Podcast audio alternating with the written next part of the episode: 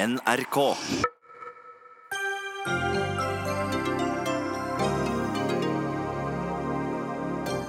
Det er ingen på Stortinget som har krevd nye kontorer og mer garasjeplass, sier Høyres Michael Tetzschner om byggeskandalen. I dag førte den til at Olemic Thommessen gikk av som stortingspresident. Bare to av ti toppledere er kvinner i likestillingslandet Norge. Er det damene som ikke vil, eller næringslivet som ikke slipper dem fram? Nye strømmålere skaper frykt hos folk som mener de er eloverfølsomme. De kan få fritak med en legeattest på en sykdom uten diagnose. Og Stortinget stemte ned Arbeiderpartiets forslag til strengere straff for hevnporno. Flaut, mener aktivist.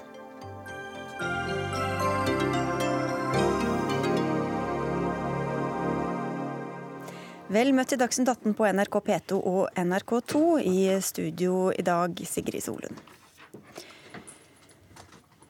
Skal vi se. Etter å ha tenkt seg om, landet Kristelig Folkepartis stortingsgruppe på at de ikke lenger kunne støtte stortingspresident Olemic Thommessen. Det ga de beskjed om til Høyres parlamentariske leder Trond Helleland sent i går kveld. Thommessen selv fikk vite det i morges, og få timer seinere ga han Stortinget beskjed om at han altså trekker seg.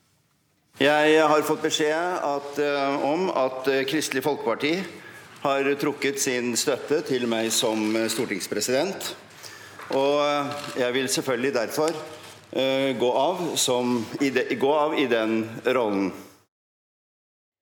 KrF-leder Knut Arild Hareide, det var altså ditt parti som til sjuende og sist nå felte stortingspresidenten. Hva var det som gjorde at dere ikke kunne støtte ham nå, etter å ha holdt deres beskyttende hånd over ham så lenge? Det er jo fordi at Stortinget gjorde vedtak 16.6.2017. Da lå jo det en meget kritisk rapport fra Riksrevisjonen på bordet om et byggeprosjekt som var ute av kontroll. Stortinget gav tydelige føringer om at vi måtte få dette under kontroll. Og så ser vi da, med den siste kostnadssprekken, at dette prosjektet har fortsatt uten å være under kontroll. Og de vedtakene som lå til grunn da fra 16.6.2017, de er ikke fulgt opp på en god nok måte. Så er det sånn at eh, Olemic Thommessen sitter ikke med et personlig ansvar alene i denne saken. Men det er ingen som det er mer naturlig å si har et Han har det største ansvaret eh, i denne saken. Og eh, det har ikke vært en god nok oppfølging. Så er det mange grunner til det. Og jeg tror at hvis jeg skal oppsummere, så vil jeg si at Stortinget har ikke et Olemic Thommessen-problem. De har et systemproblem. Men naturlig nok så sitter da den som er stortingspresident, med det største ansvaret for det. Men jeg har vært opptatt av å skille mellom ansvar og skyld i denne saken. Det er mange som har skyld, men han som tar ansvaret? På, på, det er helt naturlig at, at den, den, presidenten som har sittet i det forrige presidentskapet, leder det, og så sitter inn i det neste. Og ikke minst i etterkant av de vedtakene som ble gjort i Stortinget. Kontroll- og konstitusjonskomiteen gikk grundig inn i rapporten fra Riksrevisjonen. Og dette er altså et prosjekt som har hatt tre store overskridelser, og fortsatt så ser vi at prosjektet er ikke under kontroll. Men Vi kan komme tilbake alle sammen også til dette med, med systemet. Men hva er det Thommessen har sagt eller ikke sagt da, som gjorde at dere ikke fant det mulig å støtte ham lenger? Ja, Det er jo helt tydelig at det er ikke tatt i grep for å få dette prosjektet under kontroll. Eh, nettopp Stortingets vedtak var òg om informasjon og få kontroll på systemet. Vi kan, Så han har eksempel, ikke informert og ikke fått kontroll? Ja, og bare for å ta et eksempel på det. Den siste kostnadssprekken som nå er på nesten 500 millioner, 483 millioner. Det er den tredje sprekken på dette prosjektet. Men det er jo ikke noe nytt som kommer fram med den. Det er bare det at informasjonen blir samla. Og så viser det seg at dette er ikke noe nytt fra egentlig våren 2017, men det kommer da fram midten av februar 2018. Og da er det ett og et halvt år siden det siste estimatet på 1,8 milliarder ble lagt fram. Og Det viser jo at her har det gått lang, lang tid, og en har ikke fulgt opp. Mm. Men jeg har lyst til å si Olemic Thommessen han har i deler av presidentrollen gjort en meget god jobb. Jeg tror han har gjennom sine taler, sin væremåte, òg skapt stolthet. Men det er naturlig når eh, vi har den type prosjekt med alvorlighetsgrad, at noen er med på å ta ansvar. Og det største ansvaret på denne saken, det bærer presidenten. Michael Tetzschner, stortingsrepresentant for Høyre. Jeg må bare nevne også at Vi har selvfølgelig både invitert Thommessen og for så vidt også Erna Solberg, og ingen av dem eh, kunne eller ville. Eh, men var det noen vei utenom dette for Olemic Thommessens del? Nei, det var det jo ikke. Uh, absolutt ikke. Og uh, man kan bli litt ulykkelig over at det skal være partipolitikk inne i dette i sluttfasen. Fordi vi har jo hatt et veldig tett og tverrpolitisk samarbeid i kontroll- og konstitusjonskomiteen. Ikke som kontrollkomité, men som budsjettkomité. Og eh, de av oss som har fulgt dette veldig nært, og der har jo også Hans Fredrik Grøvan fra Kristelig Folkeparti vært eh, en utmerket eh, samarbeidspartner. Så det var jo noen som hadde disse eh, synspunktene allerede 20.6.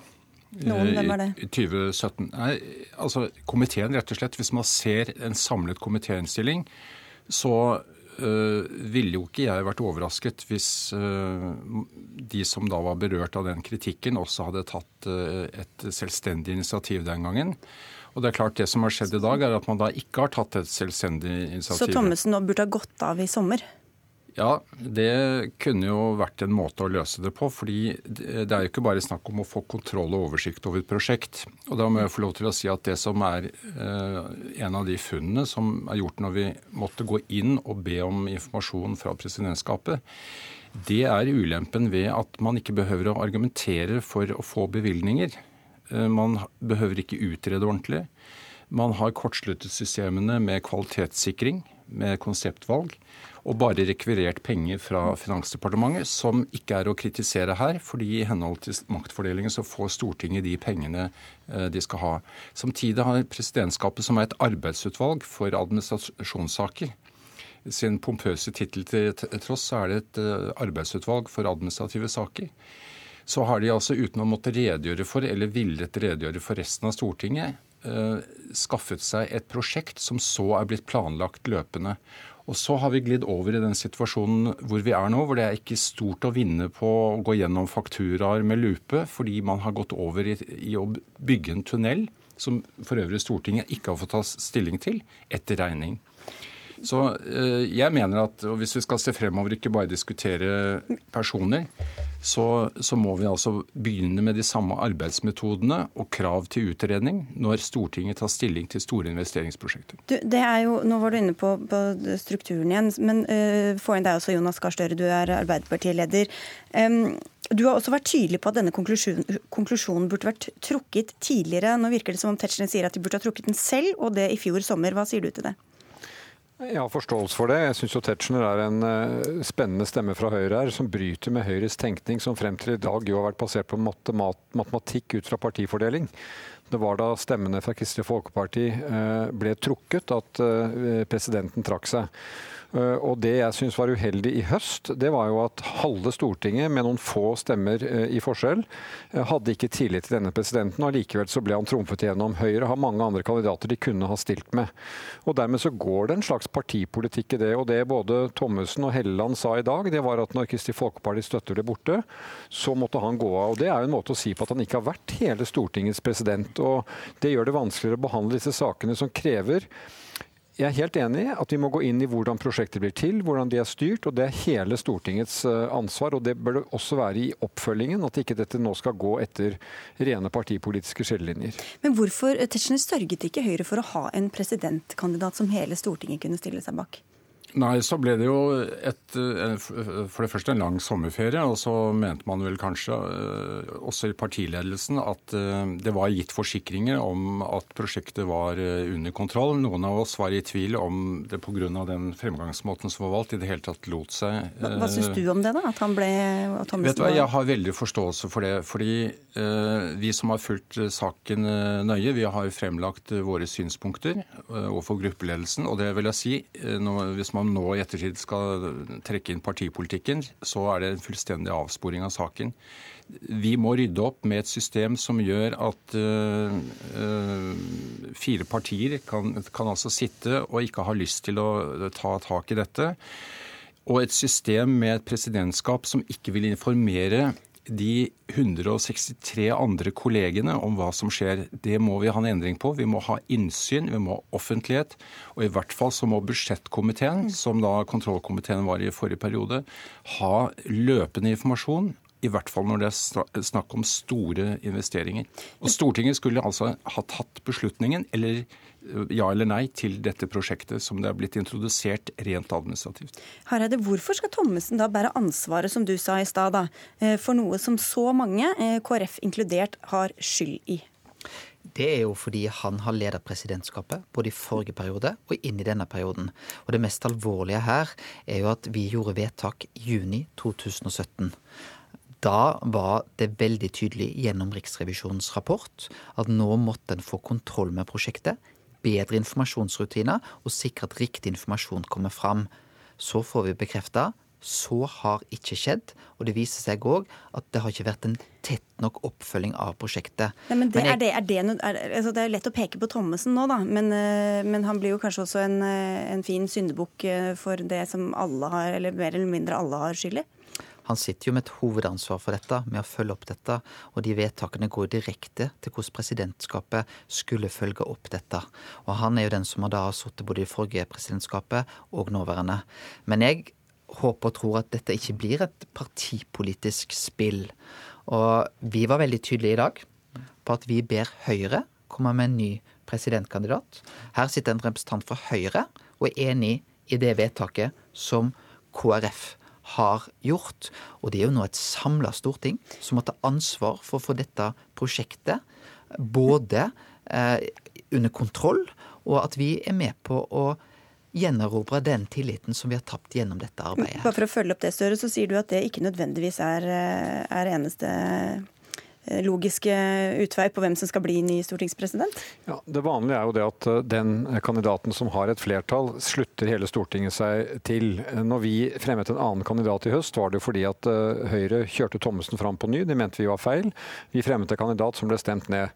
Men jeg syns jo den måten Høyre har kommunisert om dette, med unntak av Tetzschner, ved å si at de tviholder på denne kandidaten som hadde noen få stemmers overvekt, og lot han først gå når han ble da Eh, mistet KrF støtte, så er det jo ikke opplagt at det er eh, Høyre som kan fremme den kandidaten. Kanskje KrF skal prøve å fremme en slik kandidat som kan samle bred støtte. Det viktige nå må jo være at Stortinget kan si at den som blir president og skal lede dette administrative utvalget, som Tetzschner sier, har bred tillit, kan ha kommunikasjon med Stortinget i plenum, med finanskomiteen som skal vurdere budsjettene, eh, slik at vi ikke vil får partipolitikken inn i det. Måten dette er håndtert på, med et knapt flertall, som det har vært tvihold på til siste dag, har, har gjort det mer partipolitisk enn det behøvde. Nå peker jo akkurat Hareide på Høyre, da, så det ble jo vel ikke noe ja, av det. Men, men, men det er allikevel ja. en, en tanke man gjør seg i dag. Ja, men Riksrevisjonen ble nevnt her fra Hareide i stad, og ifølge Aftenposten har deres gjennomgang av prosjektet vist at Stortingets presidentskap ved seks ulike anledninger i 2013, 14, 15 og 16 ble presentert for lister over mulige sparetiltak i prosjektet.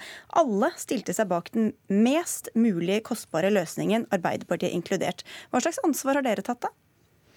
Ja, altså Vi tok da det ansvaret at etter eh, Riksrevisjonens gjennomgang, den brede debatten, så bestemte vi at i det nye presidentskapet skulle det komme nye folk. Det betyr at gode kolleger som hadde sittet i presidentskapet, lot vi ikke fortsette. Det gjorde alle de andre partiene også, med unntak av Høyre. Ja, Men dere har jo da sittet altså slags, så, så, ansvaret besto bare i at uh, regninga den går videre, men, uh, folk, men folka må byttes ut? Nei, men Det er jo fra starten vært et veldig krevende prosjekt å styre og Riksrevisjonen hadde den grundigste gjennomgangen av det, hva som var mangler. Et enstemmig storting stilte seg bak krav om hvordan dette nå måtte styres bedre. Tettere på, bedre oppfølging eh, og orienteringer til Stortinget i plenum. Det har ikke skjedd. Og det som skulle være garantien for det, var jo at Thommessen fortsatte. Vi andre byttet ut våre medlemmer. Det var det vi kunne gjøre på det tidspunkt. Eh, og nå eh, tar også Høyre den konklusjonen etter at KrF har satt foten ned. Og da må vi jo forvente av det presidentskap som skal virke nå under en ny president, at det Stortinget vedtok i fjor sommer kommer, faktisk blir fulgt opp. og Det må vi ha tiltro at vil skje, og vi skal iallfall gjøre alt vi kan for å påse at det skjer. Ja da, Jeg tror ikke vi skal gå inn i alle disse enkelthetene. Det som er basis for kritikken, det var en samlet kontroll- og konstitusjonskomité. Og Der klarte vi altså å heve oss over eh, partipolitiske skillelinjer Og Det var også en av grunnene til at vi ønsket at revisjonen Vi brukte en spesialhjemmel som er i riksrevisjonsloven, som gjør at Stortinget kan nettopp avlaste seg selv ved å gå inn og be Riksrevisjonen gjøre en undersøkelse. Og Dermed så fikk vi armlengdes avstand, som også gjorde at det ikke gikk partipolitikk i dette. Så eh, jeg vil jo bare si at den siste krøllen vi har nå, med litt at man skal prøve å, å, å eh, ha en reprise av eh, hvem som sa hva når, den er ikke så interessant. fordi vi er nå sammen om konklusjonen. Og det vi nå må arbeide fremover med, det er at Stortinget kan gjenerobre uh, sitt renommé. Mm. Og, og, da er det jo også sånn, vi som er opptatt av at vi også skal kontrollere regjeringen, uansett hvem som har den, uh, at vi, vi også ikke, ikke holder oss med blindsoner i vårt eget hus som, som stenger ute 163 menige stortingsrepresentanter fra denne eh, tverrpolitiske, men veldig begrensede gruppen, mm. som ofte eh, faktisk også kan bli holdt med godt snakk av administrasjonen hvis de ikke er påpasselige. Så mer innsyn Hareide, i hva de holder på med, og, og, og, og, de også må vise mer åpenhet. Er det veien å gå, da? Ja, og det mener jeg det må være oppdraget til den nye presidenten. Eh, som jeg sa veldig tydelig, jeg tror noe av utfordringen her ligger i de systemene som ligger i dagens storting. Eh, det er ikke Olemic Thommessen som person som er et problem her, men det er noe av de systemene. Men han som den sittende presidenten, og som president i forrige periode, han bærer det største ansvaret. Mm. Men regninga blir jo den samme da for uh, til slutt antagelig skattebetalerne? Ja, det, det, det ville jo vært, kunne vært endra hadde vi hatt andre system på plass. Hadde vi visst om kostnadsoverskridelsene på et tidligere basis, så er det ikke sikkert engang at verken det forrige eller nåværende presidentskapet ville tatt den type beslutninger de har tatt. Så det å få bedre system, vite hva vi holder på med, og der tror jeg at denne saken faktisk kan det komme noe godt ut av til slutt.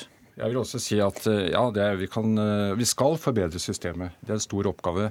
Men her ble det også gjort en, eh, en feilvurdering ved at man tror at man kan altså da gå utover Stortingets budsjettramme på 660 millioner bevilget til rehabilitering og introdusere en tunnel og, og, en fullstendig nedrivning bak en beholdt fasade, altså en ny kjelleretasje som så blir kalkulert bare litt ut i budsjettåret til det dobbelte av det Stortinget har vedtatt, uten å tro at man eh, skal kunne, uten å forestille seg at man skal gjøre det uten å gå tilbake til bevilgende myndighet, det er jo en kapitalbommert. Og Der må jeg også si administrasjonen også må være behjelpelig med å holde politikerne på plass, slik departementsrådene har oppdrag å gjøre i departementene.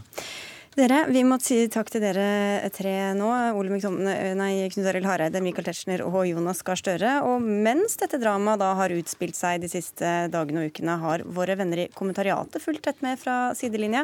Kjetil Alstaheim, politisk redaktør i Dagens Næringsliv. Du gir statsminister Erna Solberg ansvaret for det du kaller en ydmykelse for Olemic Thommessen. Hva slags ansvar er det hun har? Eh, hennes ansvar er eh, først og fremst det at eh, Olemic Thommessen ble gjenvalgt i høst som stortingspresident. Det, det, burde han ikke blitt. Han hadde vist at han ikke greide å, holde kontroll på dette store byggeprosjektet. og Så fikk han en ny sjanse og viste en gang til at han ikke kunne ha kontroll på det. Og det var helt tydelig i Stortinget at det egentlig ikke var flertall for gjenvalg av Olemic Thommessen. Eh, Venstre, Kristelig Folkeparti, Høyre, Fremskrittspartiet stemte for ham, men Venstre og KrF signaliserte tydelig eh, at de gjerne så at Høyre stilte med en annen kandidat. Fremskrittspartiet kunne nok også godt tenkt seg det, men det var Erna Solberg som insisterte på mm. at Olemic Thommessen skulle gjenvelges. Du, vi kan høre litt grann hva statsministeren sa i forbindelse med at Thommessen altså trakk seg i dag. At han går av, eh, er selvfølgelig noe som er spesielt og en spesiell situasjon i Norge at vi har en stortingspresident som har gått av. Men jeg forstår også at det har vært et ønske fra det politiske flertallet på Stortinget om at man skal ha en politisk konsekvens av et byggeprosjekt som da har gått helt utenfor rammene det har vært planlagt på. Alstaheim, hvordan vil du karakterisere denne reaksjonen fra Erna Solberg? Eh, nei, det, det altså Hun har jo en, kommet med en del eh, uttalelser i denne saken som har, har vært, eh, vært, merkelige. Den, den, merkeligste var i juni i fjor, da hun hadde en oppsummerende pressekonferanse før sommeren. Det var samme dag som et samlet storting kom med skarp kritikk av presidentskapet, med da Olemic Thommessen i spissen. Og, og, Erna Solberg gikk veldig langt i å, å nærmest frikjenne Olemic Thommessen og gi ham støtte på den dagen, som, som var helt unødvendig av henne å, å, gjøre. Hun er statsminister og har ikke noe med, med, med, det hvordan Stortinget ordner i sitt eget hus, men det gjorde hun da. Og det virker som hun, hun har hatt et veldig, veldig behov for å stille opp for Thommessen i den saken. Og noe av det skyldes nok det at eh, han eh, stilte opp for henne i 2013. Han ville, nok, eh, han ville, åpenbart heller bli kulturminister enn stortingspresident, men Erna Solberg ba ham bli stortingspresident, og da, etter en ukes betenkningstid, så takket han ja til det. Magnus Sakvam, politisk kommentator her i NRK. Det var kanskje ikke så mye sammenfall mellom det Michael Tetzschner sa og det vi hørte Erna Solberg si. Hva slags støtte har Thommessen hatt nå i sin egen stortingsgruppe? Jeg tror eh, eller eh, Høyres stortingsgruppe har vært delt. Eh, det er ulike syn, har vært ulike syn på dette. Tetzschner har jo vært blant de mest kritiske, åpenbart. De som fulgte kontrollkomiteens prosess i fjor, la jo merke til det. Han og Martin Kolberg var meget krasse i kritikken av presidentskapet og hele, hele Stortingets rolle. Um, Eh, og det er noe av det samme i flere partier, som eh, Hareide også var inne på. At de som har fulgt saken i kontrollkomiteen, har vært blant de mest kritiske i, hvert av sine partier. Mm. Men det, det, man kan uh, diskutere Én ting er det som skal vi si, skjedde ved gjenvalget av, av Thommessen i oktober. Det man kan diskutere her, er jo når overskridelsen på 500 millioner på toppen av det hele, liksom, av den forrige overskridelsen, kom 15.2, og stortingsdirektør Ida Børresen ble den som på en måte tok hovedansvaret. Det er vel det på det tidspunktet så er det et spørsmål om ikke både Høyre, Thommessen og for så vidt Erna Solberg burde vurdert saken annerledes. Eh, nå ender det jo opp med at eh, Thommessen eh, blir mer ydmyket i og med at han går for de eh, flertallet bak han smuldrer opp i og med Kristelig Folkepartis beslutning. Mm. Eh, Alstaheim, eh, denne saken som jo har helt sånn grandiose eh, omfang. Nå hørte vi Tetzschner ta til orde for et litt annet system i Stortinget. Hva, hva, er, det, altså, hva, hva er, det ved hele mm, presidentskapet og liksom oppbyggingen her som har gjort at det har vært mulig å, at dette egentlig kunne skje? Det, det, virker som om presidentskapet her under da Olemic Thommessens ledelse har valgt å operere litt for hva skal si, Uten å involvere resten av Stortinget og uten å, uten å legge frem eh, de, de, store og kostbare beslutningene som er tatt underveis. Eh, og det, De har gjort noen valg her uten at eh, det har vært en, en god nok behandling av det. og I tillegg har administrasjonen ikke, ikke håndtert dette prosjektet på en god måte. Noe av det, et av de Eh, de valgene som, eh, som, ble gjort i, tidlig i prosessen, 2013-2014, var at eh, Stortinget skulle være byggherre selv, i stedet for å, for å, trekke inn Statsbygg, som har en helt annen kompetanse til å, å lede noe slikt. Og det, det, har, det var en kostbar beslutning å ta. Og, og, Stortinget trenger helt klart en annen måte å, å sikre at det blir en, en, en, ordentlig behandling av den såpass, såpass, såpass kostbare prosjekter og, og, saker som eh, vi snakker om her. Altså det, som, eh, det er farlig å gå for mye inn i detaljene her, eh, fordi det er, det er vanskelig å rett og slett henge med. Men én ting i løpet av denne prosessen som har fordyret det, er jo de utvidelsene av prosjektet som i ettertid kanskje ser litt ikke absurde ut, men kanskje unødvendige ut. F.eks. å bygge en kjempelang tunnel som er veldig dyr. Det å bevare Prinsens gates fasade og grave under kjelleren med alunskifer og, og liksom et, en utvidelse av prosjektet som i seg selv fordyret det. Men i tillegg så Uavhengig av det så viser jo Riksrevisjonens rapport at man fordyret prosjektet med 700 millioner kroner fram til da eh, i fjor sommer, uavhengig av, av det. Og eh, det som koster penger, er jo at entreprenørene, de som bygger det, har krevd ekstrabetaling eh, fordi de hevder at de som har tegnet tegninger, altså Multiconsult, har gitt de for dårlig materiale. Eh, det har også vært Thommessens argument og forsvarslinje i denne saken, som da kommer til, til retten etter hvert. Men Det er, det er altså ikke, ikke, nødvendigvis riktig. sånn at vi vet ikke svaret på ditt spørsmål. Hva er det egentlig som har gjort, gjort eh, og, og, ført til denne overskridelsen til de grader? Helt til slutt her, Magnus. Uh, som vi nevnte i stad, så er det jo mange partier som har sittet i presidentskapet mm. og behandlet uh, dette. Nå er det mm. Thommessen som, som, går av. Er det, skal vi si, er det en, rettferdig, mm. eller blir det en slags avledningsmanøver, eller? Altså, eh, Jeg syns i hvert fall det er eh, farlig av de andre partiene å hovere over Thommessen eh, på en måte. Det som, det som for så vidt Arbeiderpartiet og Støre erkjenner, er jo at de fram til Riksrevisjonens rapport tok et medansvar for den skandalen som skjedde til da. Sånn at alt det som nå fører til at Thommessen må gå og ta politisk ansvar, er det som har skjedd fra eh, etter, etter, det tidspunktet. Eh, sånn at Det er åpenbart at det er et kollektivt ansvar, men at Thommessen som den hovedansvarlige og som lederen av presidentskapet må ta, en, et, eh, ta politisk ansvar for at eh, prosjektet i det hele tatt skal og Stortingets omdømme skal overleve. Takk skal dere ha, Kjetil B. Alstaheim fra Dagens Næringsliv og Magnus Takom i NRK.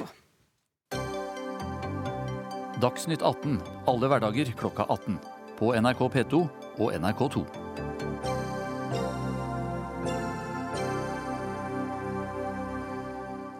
Til alle som tror at eh, vi har glemt at det er 8. mars, kan vi nå forsikre om at det har vi ikke. Vi liker jo å kalle oss selv eh, et eh, likestillingsland, men forskning viser at det bare er to av ti i toppledergruppa blant landets 200 største selskaper som er kvinner. Og i forhold til andre sammenlignbare land ligger vi midt på treet for kvinner i toppstillinger. Ragnhild Wiborg, du er styremedlem i sju børsnoterte selskaper både i Sverige og i Norge, og tidligere direktør i Odin, og har lang erfaring både fra Norge og og andre land. Hva tror du er årsaken til at likestillingslandet Norge ligger så dårlig an?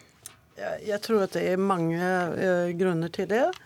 Uh, vi har bl.a. en hva skal man si, næringslivskultur i, i, Norge som er basert på man ser historisk sett på fangst og fiske. og Det har vel fortsatt inn med olje og shipping. og Det i sin tur er en mer kortsiktig kanskje eh, næringslivsbas enn når man går til Finland, som har Eh, en mer hva skal jeg si, långsiktig kultur. Jeg sammenligner med Finland då, som jeg vet har flere kvinner i toppen av næringslivet enn hva Norge har.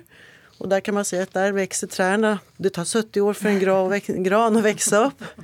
Eh, og det naturligvis skaper en annen langsiktighet i næringslivet. Eh, kortsiktighet kan ibland være eh, at man er nødt til å være litt mer risk, risikobenägen. Og jeg tror historisk sett, om man nu ska gå tilbake og se på hur tiderna har vært, så har kanskje menn til tider også vært mer risikovillige enn kvinner. Men du har, ja, du har jo øh, reist mye og jobbet og hatt mange forskjellige stillinger. Hva slags holdninger øh, og forestillinger har du møtt i Norge iblant som du kanskje ikke har møtt i andre land? Nei, jeg føler at øh, er man profesjonell og, og, har en erfarenhet, så, så blir man bemøtt med, med med, på samme måte både i, i Sverige, Norge, Finland eller i øvrige Europa. Så det handler mer om kompetens. Men jeg tror at i grunnen, når man skal starte inn i, i næringslivet, så er det klart at da er det viktig hvordan holdningene er, og hvordan næringslivet ser ut eh, ursprungelig sett. Og om man ser på, så om jeg nå tar igjen eh, næringslivet i Norge som et eksempel, så hadde man nok et veldig mannsdominert næringsliv veldig tidlig. Og når den sen skal rekrutteres ledelse osv., så, videre, så ser man ofte da mot noen som ser likadan ut eh, som seg selv. Og da er det lett at det blir flere menn som rekrutterer inn mot næringslivet. Og så må vi samtidig få bygd opp en, et godt grunnlag underifra. Og da tror jeg både media, med NRK i spissen, kan godt gjøre en innsats med ekonominyheter, som man bl.a. har i Sverige. Om man Ekonomiekot osv. Det tror jeg er nyttig og allmennbildende. Ja, vi har et feilaktig bilde av næringsliv, eller for lite kunnskap om, om næringsliv og økonomi ja, generelt? Da, sier du? Jeg har en mm. liten hypotese om det. For jeg tror også når du ser på skoler, skoler og lærere i stort sett er eh, dominert av Eh, av kvinner, og veldig også lite av næringslivet inn i skolen. Jeg tror det er veldig nyttig å få inn mer næringslivskunnskap inn både i media og i eh, skolevesen. Mm. Vi kan komme litt tilbake til disse tiltakene, men Kristina Julum Hagen, du er avdelingsleder for arbeidsliv i NHO. Hvorfor er ikke næringslivet flinkere til å få kvinner helt til topps? Jeg mener at det er en gryende oppvåkning i norsk næringsliv om at dette er et viktig tema, og noe de må bli flinkere til. Eh, for det er jo en utfordring for næringslivet det at hvis kvinner har feilaktige oppfatninger av hva næringslivet er, og det tror jeg stemmer, så vil de jo heller ikke søke seg til bedriftene og, og vie sin karriere der. Og um, I går så vi nye tall som viser at kvinneandelen i privat sektor generelt, altså ikke bare i ledelse, men generelt, den er på vei ned. Og ser vi litt eh, frem i tid på fremskrivingene, så vil næringslivet bli enda mer mannsdominert fremover hvis vi ikke gjør noe, og hvis ikke kvinner gjør andre valg, eller hvis ikke bedriftene blir flinkere til å tiltrekke seg også kvinnene. Og det er en utfordring for næringslivet, som jo trenger de beste folkene. Hanne Bjørsheim, likestillings- og diskrimineringsombud. Det er jo uh, i det store bildet veldig få stillinger, egentlig. Vi snakker om altså, de som sitter helt på toppen. Hvorfor er det så viktig om det er menn eller kvinner, og hvordan kjønnsfordelinga er akkurat akkurat der. Det er alltid rart hvis det er sånn at ett kjønn på en måte gjennom lang tid er den som har det som kanskje defineres som veldig viktige stillinger. Eh, vi har, et land hvor vi har kvinner og menn, og hvor kvinner er veldig gode i utdanning osv. Og, så videre, og ønsker, mener jeg, å ta en plass i samfunnet. Sånn at det blir veldig rart hvis man på en måte bare aksepterer en sånn skjevhet. Og så går man jo også glipp av, av gode krefter. Det er grunn til å tro at, at kvinnene kan bidra mye. Sånn at uh, For meg blir det veldig rart å bare akseptere en sånn situasjon i et ellers så likestilt land.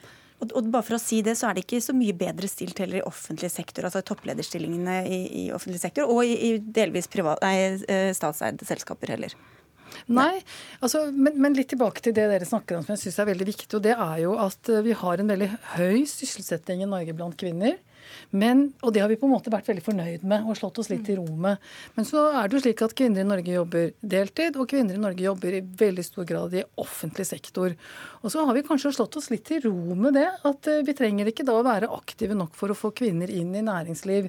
Um, og, og, mye av det handler jo også om um, hvilke virkemidler vi har hatt, og hva, hva på en måte som har vært uh, drivkraften i næringslivet selv i forhold til rekruttering. Og så må vi ikke glemme at en av de områdene i Norge hvor det faktisk er reell ulikelønn, det er innenfor finanssektoren. Da vet man at selv helt like, like, like liksom situasjoner lønnes forskjellig. Og det sender jo også et veldig uheldig signal til kvinner. Jeg vet at når det først er på ditt nivå, så blir du tatt veldig imot. Men det er ikke sånn hele veien.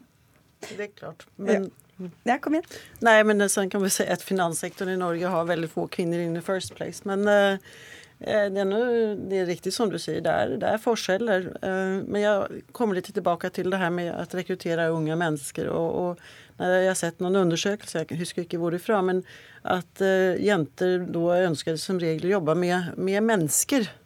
Og da låter det som om vi som er i næringslivet, at vi ikke er mennesker. For det er faktisk veldig mye stillinger og posisjoner i næringslivet, og det er mye mennesker som er involvert i allting. Så jeg tror at jeg tror det handler om en form av eh, en eh, bevisstgjøring, kunnskap, som formidles både via skolevesen, men også media har ja, sitt ansvar. Ja, ja, ja, men hva tror du da? Eh, at det er kvinnene selv som ikke er villige til å eller Enten om det da skyldes at de har et misforstått bilde av hva det vil si, eller at de ikke ønsker å ofre det de som skal til, eller, eller at det er også liksom strukturelle ting i bedriftene og i næringslivet som gjør at det er vanskeligere for kvinner å komme opp og fram?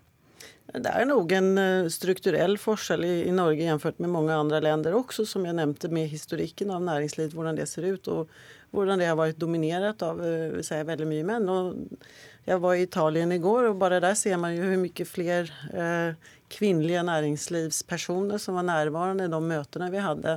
Det var nesten 50-50 i flere av de møtene. og, og i dag var jeg i et annet møte, der var det jeg og åtte andre menn. Så det er klart at det, det I Norge? Er, I Norge. Ja. Julie Magen, hva tror du da må til for at kvinner skal både ønske seg til næringslivet, eller til topp, topplederstillingen, og, eh, og, få mulighet til å nå dit? Mm. En ting handler om at bedriftene må bli flinkere å ta vare på kvinnene gjennom noen kritiske faser i karrieren deres. For vi vet at en god del damer begynner i privat sektor, og så får de barn og da skjer det noe. Og da er det faktisk mange som velger bort jobben i privat sektor og går til offentlig sektor.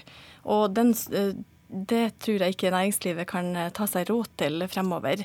Næringslivet må være flink til å gi kvinner oppgaver de kan vokse i, også i de krevende 30-årene hvor du legger mange byggesteiner for, for karriere videre.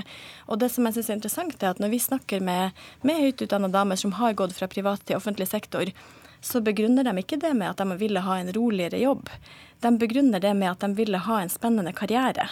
Og de mente da at uh, muligheten for å gjøre karriere og samtidig være mor var bedre i offentlig sektor. Det bør være et tankekors for næringslivet. Der må vi bli bedre. Høyt utdannet gikk fra nærings, privat næringsliv til offentlig sektor. Det er deg da, Hanne Bjørstrøm? ja, men altså det er det det handler om egentlig. Det handler om noe grunnleggende ulikestilling i bunnen. Og det handler om at eh, kvinner veldig lett eh, Kanskje når de starter ut fra utdanningen, så er kvinner og menn ganske like. Hvis du er på innenfor nærings, næringsliv, finans og, og juss osv. Og, så og så skjer det noe, og dette har man dokumentert, at eh, kvinner blir noe satt tilbake i forbindelse med at de får barn.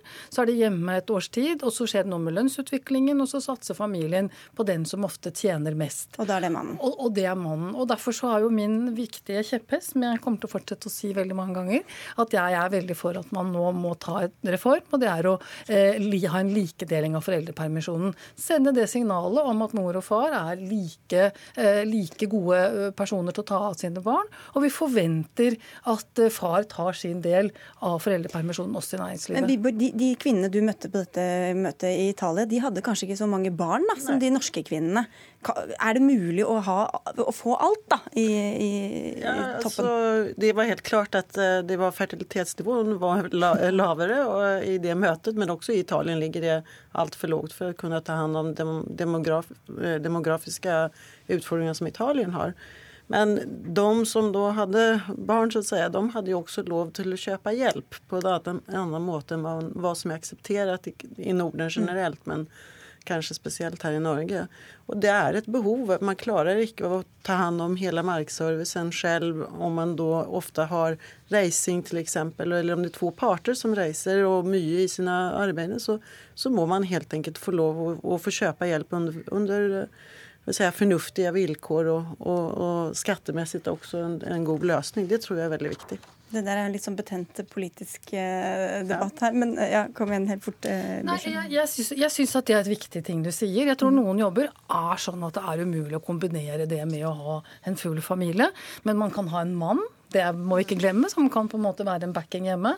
Og så må det selvfølgelig være legitimt å ha tjenester eh, hvis du skal være topp, topp i, i næringslivet. Ja, Julium Hagen får få ti sekunder på slutten også. Ja, jeg er enig i det. Og fedrene sin rolle er helt avgjørende. NHO støtter også todeling av foreldrepermisjonen. Og vi ser at i de selskapene hvor selskapet har oppfordra også fedre til å ta lang, lang eh, pappaperm, da blomstrer også de kvinnelige lederne. Og vi forsøkte faktisk å få med oss en sånn mannlig næringslivsleder også i dag, men det, de mennene de sier alltid nei til å komme til sendingen. Takk skal dere ha alle tre, Hanne Bjurstrøm, Ragnhild Wiborg og Kristina Jullum Hagen.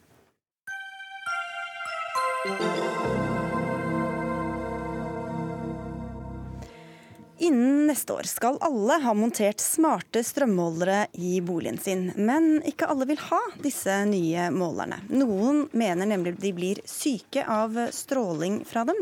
Og da kan de få reservere seg, skriver Dagens Medisin. Det krever bare en attest fra en lege eller psykolog. Men Ifølge Helsedirektoratet er det ikke faglig grunnlag for å si at strålinga fra disse målerne kan gi noen helseskade. Guro Grøtterud, du er sjef for seksjon for sluttbrukermarked ved NVE, altså Norges vassdrags- og energidirektorat. Hvorfor ber dere om attest på noe som Helsedirektoratet mener at det ikke er grunnlag for å si at i det hele tatt finnes? Eh, nå er det sånn at Disse målerne som vi ønsker at skal installeres hos alle kunder, det er en viktig modernisering av kraftsystemet. Og for å få fullt utbytte tilbake til forbrukerne av dette, så er det viktig at målerne er ute hos eh, så mange kunder som mulig. Eh, så Utgangspunktet er at målerne skal inn hos alle nettkunder, altså alle forbrukere. Så har vi vært i kontakt med noen, altså en liten gruppe som er veldig engstelig for disse målerne som hevder at eh, de kan være At de opplever en helseulempe med dem. Eh, og derfor, for å komme denne gruppen litt i møte, så har vi åpnet for en, eh, et unntak, men da må dette, den helseulempen dok dokumenteres. Og da er det en helseattest vi etterspør. Ja, og dette er det da dere bl.a. som skal stå for, Petter Brelin. Du er leder i Norsk forening for allmennmedisin. Hvordan reagerer dine medlemmer når de blir bedt om å skrive ut en attest på at disse målerne er helseskadelige?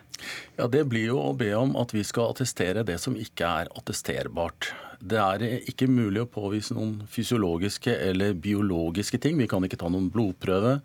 Vi har ikke en test, vi kan ikke ta noen bilder som viser at disse målerne har en helseeffekt. Sånn at vi er da henvist til å tro på pasientene. Og det er jo det vi gjør. Og vi gjør jo det gjerne. Vi, vi eh, tror på pasienten og hører på de plagene de sier at de har med disse målerne, men vi syns egentlig at dette er litt unødvendig. Eh, fastlegene har en god del å gjøre i utgangspunktet. Og det å skulle skrive denne typen attester, som det ikke er noe uh, fysiologisk eller biologisk grunnlag for, det gjør at vi flytter en konflikt mellom NVE og Helsedirektoratet ned på hvert enkelt legekontor. Det burde være helt unødvendig. Kraftselskapene kunne godt stole på sine egne kunder. Ja, for er Legene får da høre fra ett direktorat at det ikke er noen grunn til å si at målerne er eh, skadelige, og et annet direktorat som ber dem skrive en attest på at de er skadelige. Hva slags skvis er det dere setter disse legene i? Hvem skal de høre på? Nå er det sånn at Vi er en energimyndighet, så vi pålegger ikke legene å skrive ut attester. Men, når, Men dere legitimerer det jo, da? Eh, når, eh, noen, eh, når nettkunder kommer til oss og mener at de opplever en helseulempe, så er det viktig for, at, for oss at, altså Da er det vanskelig for oss å skulle si til kunden hvorvidt denne ulempen er reell eller ikke. og Derfor mener vi at det er helsevesenet som bør komme inn for å vurdere vurdere hva altså, Men, men hvis, hvor, Hvorfor skal dere ha en attest hvis det er så få det er snakk om, og, som, og at dere uansett stoler på at de er uh, redde eller opplever et eller annet ubehagelig? da? Da er det igjen det at, uh, at det er vanskelig for oss å, si, å, vurdere hvorvidt helseulempen som er opplevd av en kunde, er reell eller ikke. og Derfor så, så ber vi om at de dokumenterer den, og da er det helsevesenet som er den riktige til å gjøre dette. Ingrid Stelle Oppebøen, du er talsperson for organisasjonen Stopp smartmålerne. Hva syns du om det systemet det er lagt opp til her? Nei, Å komme i møte kunne jo vært en frivillig ordning, tenker jeg. Altså at de frivillig, som ikke, de som ikke ønsket målerne smartmålere eller ikke. Ja, Men det er ikke aktuelt? Nei, Jeg skjønner godt at det hadde vært eh, enklere for de som ikke ønsker smartmåler, og kanskje også for, eh, for legene. Men uh, nå er det sånn at uh, det er viktig for at uh, denne moderniseringen skal gi maks utbytte, at målerne kommer ut alle steder. Derfor har vi bare åpnet for et lite unntak. Og det, det, viser seg jo at dette er veldig få personer. Hittil så er det 0,15 ja, for det som var mitt poeng. Altså, hvis det er så få, hvorfor da skal ha et sånt tungvint system at det må gå til legene som ikke ønsker å skrive attestene, og be folk som ikke ønsker å bli sykeliggjort om å, å, å bli det, liksom? Ja, nå er det 0,15% av de som har fått installert Moller, som har fått en legeattest. Ja. Og, øh, og, når vi, og, og, da mener vi at da har de fått dokumentert en helseulempe som vi, som vi Men, men tror du at det ville vært liksom 50% hvis man ikke krevde en, en legeattest? Det er vanskelig å si. Mm. Men hva slags plager er det dere opplever, da? Nei, altså Vi i Stopp smartmålerne vi er jo en interesseorganisasjon, en paraplyorganisasjon for mange mennesker som ikke vil ha smarte målere i hus. For det er, Uavhengig av helse eller ikke? det, det er, er mange aspekter. Folk har lyst til å bestemme inni sine egne hjem, først og fremst. Det syns jeg ikke er så veldig rart. Og det er mange som har lyst til å bestemme over privatlivet sitt. Personvern, personvern kommer inn her, som er opplysninger som NVE har som, som, da vi lagre i tre år. Og så handler det om at folk ikke er så interessert i å betale høyere strømpriser om morgenen når de skal på jobb, eller på ettermiddagen når de skal lage middag. Eller de har heller ikke lyst til å sette på tørketrommelen midt på natta for å få en lavere strømregning. Men hvis vi ser på dette som, som angår legene, da? Ja, hvis vi ser på dette mm. som angår legene, så vil jeg si at NVE her sykeliggjør sunn skepsis. For det er ikke så enkelt som NVE vil ha det til her. Det er mange land som åpner opp for at dette skal være en frivillig ordning. Nederland og England f.eks. Og det er heller ikke sånn at dette med installere smartmålere har vært noe ukomplisert. For det er massiv motstand mot smarte målere verden over. Og det å gjøre uh, dette til et spørsmål om en helseattest, det å skulle modernisere strømnettet uh, ved hjelp av legenes innsats, det er Jeg tror nok at NVE uh, også er enig i at dette er ikke reelle attester. Vi kan ikke påvise noen biologiske konsekvenser av dette. Sånn at her burde de selv ta ansvaret for å stole på de kundene som ikke ønsker disse målerne, sånn at vi kan slippe å gjøre men, dette. Men tror du da at det er sånn at folk eh, kan ha ti forskjellige årsaker da, til at ikke, om det er strømregningen eller om det er personvern eller hva det er de er redd for, så går, må de gå til legen og si at dette en, skaper en så stor psykisk belastning for meg f.eks. at jeg ikke kan ha disse smartmålerne i, i huset, eller? Ja, da, altså Vi eh, må jo da attestere de helseulempene som pasienten hevder å ha. Hvis de kommer og sier at vi vil ikke ha dem av andre årsaker, som en frykt for at strømregninga går i været f.eks., så vil de jo ikke få noen attest fra en lege. Det, det vil ikke være riktig. Men de de som mener at de har helseulemper av det, de, skal, de er vi da henvist til å eh, lytte på og stole på. Og så skriver vi en attest som egentlig bare er et referat av hva pasienten selv sier. Det kunne de egentlig bare sagt til strømselskapet sitt, og så hadde vi unngått denne konflikten som av og til oppstår på legekontorene. Så da er spørsmålet igjen da, hvorfor ikke gjøre det til en frivillig ordning, eh, Grøtterud? Eh, nei, som sagt så, så, mener vi at altså folk som, eh, som, eh, som, er skeptiske til disse målerne, det forstår jeg kan være skeptiske av, av mange årsaker, som det er blitt sagt her. Men disse målerne er jo underlagt mange regler både for hva som gjelder stråling, hva som gjelder personvern, som, som er hensyntatt. Så noen mener, om noen mener at personvernreglene ikke er riktig, så, så er, det ikke, det er det ikke måleren de må må gå på. Er det politikerne som har bestemt at dette skal være pålagt, eller eh, det, er, Nei, det er dere? Det er eh, NVE som har vedtatt i forskrift at det skal være pålagt. Eh, det har vært et langt arbeid før dette ble gjort i 2011. Eh, det startet med en stortingsmelding i 1998 faktisk som ba om mer, om å vurdere mer teknisk måleutstyr. Ja, altså det her er et EU-direktiv som har slusa inn i Norge bakveien. Det angår oss alle som har et hjem og en bolig å bo i, burde vært oppe i Stortinget. Det er jo én ting som er helt klart. En annen ting er jo at det, det er nå engang sånn at NVE og nettselskapene jobber egentlig for oss.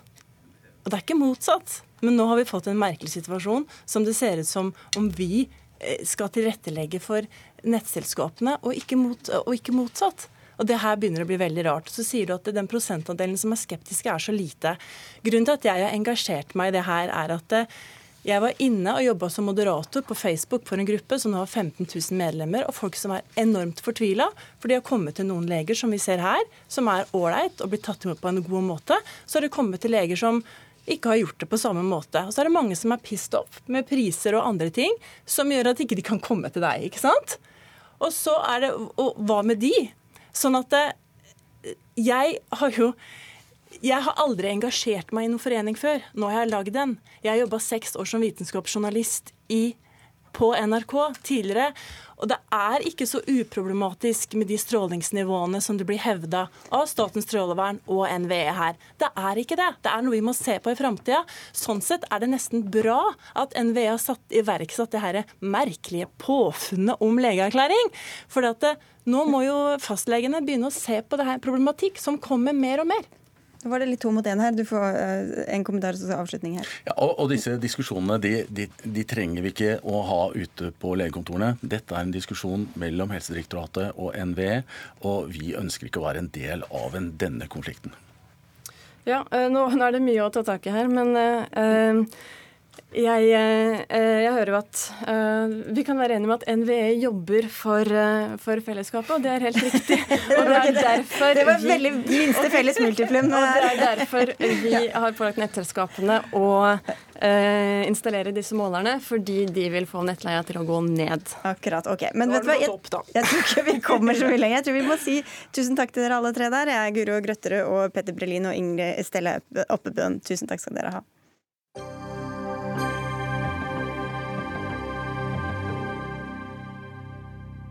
Så til hevnporno, som ikke får strengere straffer med det første. I dag ble det klart at stortingsflertallet, med regjeringspartiene i spissen, stemmer nei til Arbeiderpartiets forslag om å øke straffene for dem som offentliggjør nakenbilder eller videoer uten tillatelse. Ofte er det tidligere kjærester som deler bilder etter at forholdet er slutt. Sånn som det er i dag, finnes det ingen lov mot denne typen handlinger. Du kan likevel få straff. Deler du nakenbilde av eksen på nett, får du gjerne en 5000 kroner i bot. Til sammenligning kan du havne i fengsel for å f.eks. røyke hasj. Men før vi går inn i straffenivå og lovforslag, skal vi til deg, Mia Landsem. Du jobber frivillig med å spore opp de som sprer disse nakenbildene. Og mange kjenner deg fra eh, fordi du var den som sporet opp mannen som spredte disse bildene, håndballspilleren Nora Mørk. Kan ikke du si litt mer om hvordan du jobber, og hvor stort dette problemet er? Problemet det er jo ikke noe tvil om at det er veldig stort og veldig økende som årene går. Jo mer digitalisert vi blir, jo verre blir det. Um, jeg opplever ca. fem til seks henvisninger hver dag som handler om nakenbilder. Og det syns jeg er ganske mange, når man begynner å gange opp med, med antall dager i løpet av et år, og eh, hvor mange saker politiet får. Og det er bare at jeg som privatperson får fire til fem-seks henvendelser hver dag på det her, sier jo litt. Mm. Er det da først og fremst jenter, eller er det jevnt fordelt eh, blant kjønnene? Når det gjelder nakenbilder, så har jeg aldri blitt kontakta av en gutt. Jeg har heller ikke sett eh, bilder av gutter, men jeg vet at det sirkulerer eh, mest da via Facebook. Men på de her nettsidene som jeg jobber spesifikt mot, så er det ikke lov med bilder av gutter. Nei. Det er som en indre justis? Ja, ja, det er regler. Hva eh, viser forskninga av det vi vet da, om hvordan det virker inn på de jentene da, i dette tilfellet, å få bilder av seg spredd på den måten? Dem jeg prater med, hvis jeg kan starte med også personlig, de er helt knust. Eh, ødelagt. Flytter fra byen sin, flytter fra landet. Driver med selvskading. Eh, noen har tatt selvmord. Når det gjelder forskning, så har jeg faktisk med litt eh, statistikk fra Cyber Civil Rights. Der ble 1600 personer spurt. Og da var, Ja. Mm. Og da var det da 361 som svarte at de har blitt utsatt for hendepornografi. Det er 23% 93% av dem sier at de sliter psykisk. Over 40% har oppsøkt psykolog. Over 50% ca. 51% har vurdert selvmord. Så det er alvorlige problemer. Lene Vågslid, du er stortingsrepresentant fra Arbeiderpartiet. Eh, hva var det da dere ønska å gjøre med dette problemet? Nei, Det vi ønsker og ønsker med forslaget, det er for det første å tydeliggjøre at det er ulovlig å dele disse typer bilder, eh, eksplisitt forby hevnporno, eh, og òg øke strafferamma for disse typer handlinger. Og det er jo egentlig på bakgrunn av det Mia her nå forteller. Vi mener at dette er såpass alvorlig eh, og får så store konsekvenser for de som er ramma, at eh, lovverket òg må stå i stil eh, med det. Bare si at til alle som ser oss på TV, kan jeg opplyse om at det snart blir skiskyting på NRK2, men at vi fortsatt kan ses på NRK1 og høres på NRK P2. Det var det. Men Peter Frølich, du er stortingsrepresentant for Høyre og sitter også i justiskomiteen øke straffene og få en egen lov, eh, det er dere egentlig for, dere òg? Ja, absolutt. Vi har vært eh, helt enig i det, og vi eh, kommer til å legge frem et sånt forslag i Stortinget. Men stemte likevel nei? Det er ikke riktig. Vi stemte for vårt eget forslag, som gir departementet et litt bredere mandat til å se hele dette problemkomplekset litt i sammenheng med, med andre spørsmål. Og, og, Det er rett og slett fordi at dette er så uhyre fragmentert og komplisert i dag at vi mener at vi er nødt til å heve blikket litt og så se på dette på en litt rolig og klok måte. Dette å endre straffeloven i Norge, det er noe som eh, Ja, det er finjus, for å si det sånn. Det er litt hjernekirurgi. Eh, og vi skal gjøre det, men det må gjøres på en veldig forsvarlig måte. Så Vi kommer tilbake igjen med et forslag som skal være veldig godt eh, fundamentert, gjennomarbeidet, og som skal få bukt med dette problemet. For det er fullstendig uakseptabel atferd og vi skal få bukt med. Det er vel gode nyheter da, Landsem? Jo da, så klart. Men jeg syns det er litt uh, utydelig, det forslaget de kommer med, i forhold til det Ap kommer med. Uh, ordet økning nevnes jo ikke i det hele tatt. Altså straffe, økning av straffen? Ja. Uh, da har jo Høyre de skrevet bl.a. det at uh, det foreslås da en endring, at de vurderer en endring av strafferamma. Men også endring mener man da høyt eller lavt? Det er litt uspesifikt. Uspesifikt og uforpliktende. Nei, Vi er helt åpne for å heve straffenivået på dette. I dag er den øverste strafferammen som benyttes, faktisk tre år. Brudd på åndsverkloven er en, en hjemmel som kan brukes i dag. Så det er mulig å dømme folk til tre års fengsel. Vi er åpne for å, dømme, for, for å lage lovverk som er enda strengere enn det. Men det er klart at i stedet for å liksom gå inn på sånn slagordsbasert eh, liksom, for, forplikte oss til noe her og nå, så liker vi å sette oss ned og lese grundig gjennom eh, utredningen. Og så skal vi komme tilbake igjen med et forslag som vi vet kommer til å fungere i praksis, og som kan stå seg over tid. Jeg tror det er det viktigste. Vågslid, hva slags strafferamme vil dere ha? Altså Det første som skjer nå, er at Høyre dobbeltkommuniserer. I dag hadde vi en debatt i Stortinget der det eneste forslaget som lå til grunn for å kunne øke strafferamma, kom fra Arbeiderpartiet og SV. Jeg utfordra statsråden, jeg utfordra Frølich på hvorfor de ikke kunne legge inn i det minste øke strafferamma i sitt eget forslag. Eh, at de nå eh, dobbeltkommuniserer på denne måten, får stå for hans regning. Jeg det var ikke det første som skjedde, for det første som skjedde nå var at du ikke svarte på mitt spørsmål om hva slags strafferamme du ja, ser for deg. Det som vi mener er riktig å gjøre, det er nummer én å signalisere fra Stortinget at vi ønsker ei auka strafferamme. Og Da vil det jo være naturlig at Justisdepartementet, hvis vårt forslag hadde blitt vedtatt, at de kom med forslag til Stortinget. Ok, Så dere har heller ikke noe klart forslag, da? Nei, dere vil også utrede, at, da? Nei, jeg mener at eh, Justisdepartementet må komme tilbake til Stortinget uansett. Men det er det han til. sier også? Ja, men det er en vesentlig stor forskjell her. For det vi gjør, som han ikke ville være med på i dag, det er å sende et tydelig signal om at strafferammene må økes. Og da er det jo helt naturlig at Lovavdeling, at Justisdepartementet ser på hvordan han kan gjøre det, og kommer tilbake til Stortinget. Det vi var bekymra for, òg etter å ha lest svaret fra statsråden, var at han ville ha en ekstra utredning av behovet. Og jeg syns det Mia Landsem forteller, forteller ganske godt, og egentlig det nå Frølich òg sier, at behovet for å gjøre det, det virker ganske klart. Dette er jo en lek med ord, og jeg tror dette er noe av grunnen til at folk begynner å bli litt lei av å høre politiske debatter, for å si det rett ut. Altså Her er vi enige i 99,9% av tilfellene, og så sitter likevel Arbeiderpartiet og prøver liksom å lage, og danne et inntrykk av at her er en god side og en ond side. En side som prøver liksom å bremse utviklingen, og en annen side som liksom slåss for den gode saken. Vi er altså enige de har ikke sagt i denne det, de har sagt at de vil sende et tydelig signal om at her skal det være strengere straffer, jo, og det alle, gjør ikke dere. Til og med statsråden har stått fra talerstolen i dag og åpnet opp for det. Men, hvorfor, så, så det men åpnet opp for det er jo noe annet annet enn å signalisere at, helt tydelig at det skal det bli. Nei, vi kan si at vi, vi, ønsker å, vi, ønsker å, se på mulighetene for økte straffer. Vi ønsker å se hvor stort ja, skal omfanget Men da signaliserer dere ikke at det skal jo, men bli det. det. signalet var, tve, det var helt hindrende klart Hvorfor i salen. Hvorfor skriver dere ikke det, da? Det er rett og slett bare en lek med ord. Om du skal gå for det ene eller det andre. Nei, dette er, dette, er faktisk, dette er faktisk helt hindrende klart. De som har hørt på debatten i dag, hører at alle er åpne for høyere straffer. Men det kan også være snakk om å se hvor, hvor vidtfavnende skal dette være. Skal man, skal man kriminalisere meldinger som sendes i troår, i private troår. Skal man kriminalisere, altså Hvilke typer situasjoner skal kriminaliseres? Alt dette kommer vi tilbake igjen til. Viljen til å gjøre noe med det er der. Viljen til å stanse problemet er der. Og I stedet for å drive med sånn partipolitisk krangel, så burde vi gått herfra i dag og sagt at vi er enige, vi skal fikse det, og vi skal hjelpe de kvinnene som utsettes for dette. Og Hvis det skal være poeng med en utredning, så må det jo gå litt grundig inn i det også, Lene Vågslid, og se hva som faktisk virker, ikke i stedet for å bare sende et eller annet symbol eh, fra, eller signal fra Stortinget, eller? Ja, ja, ja. Og det vi har sagt, og som jeg gjerne gjentar, det er det at vi ønsker ikke en ekstra utredning av behovet.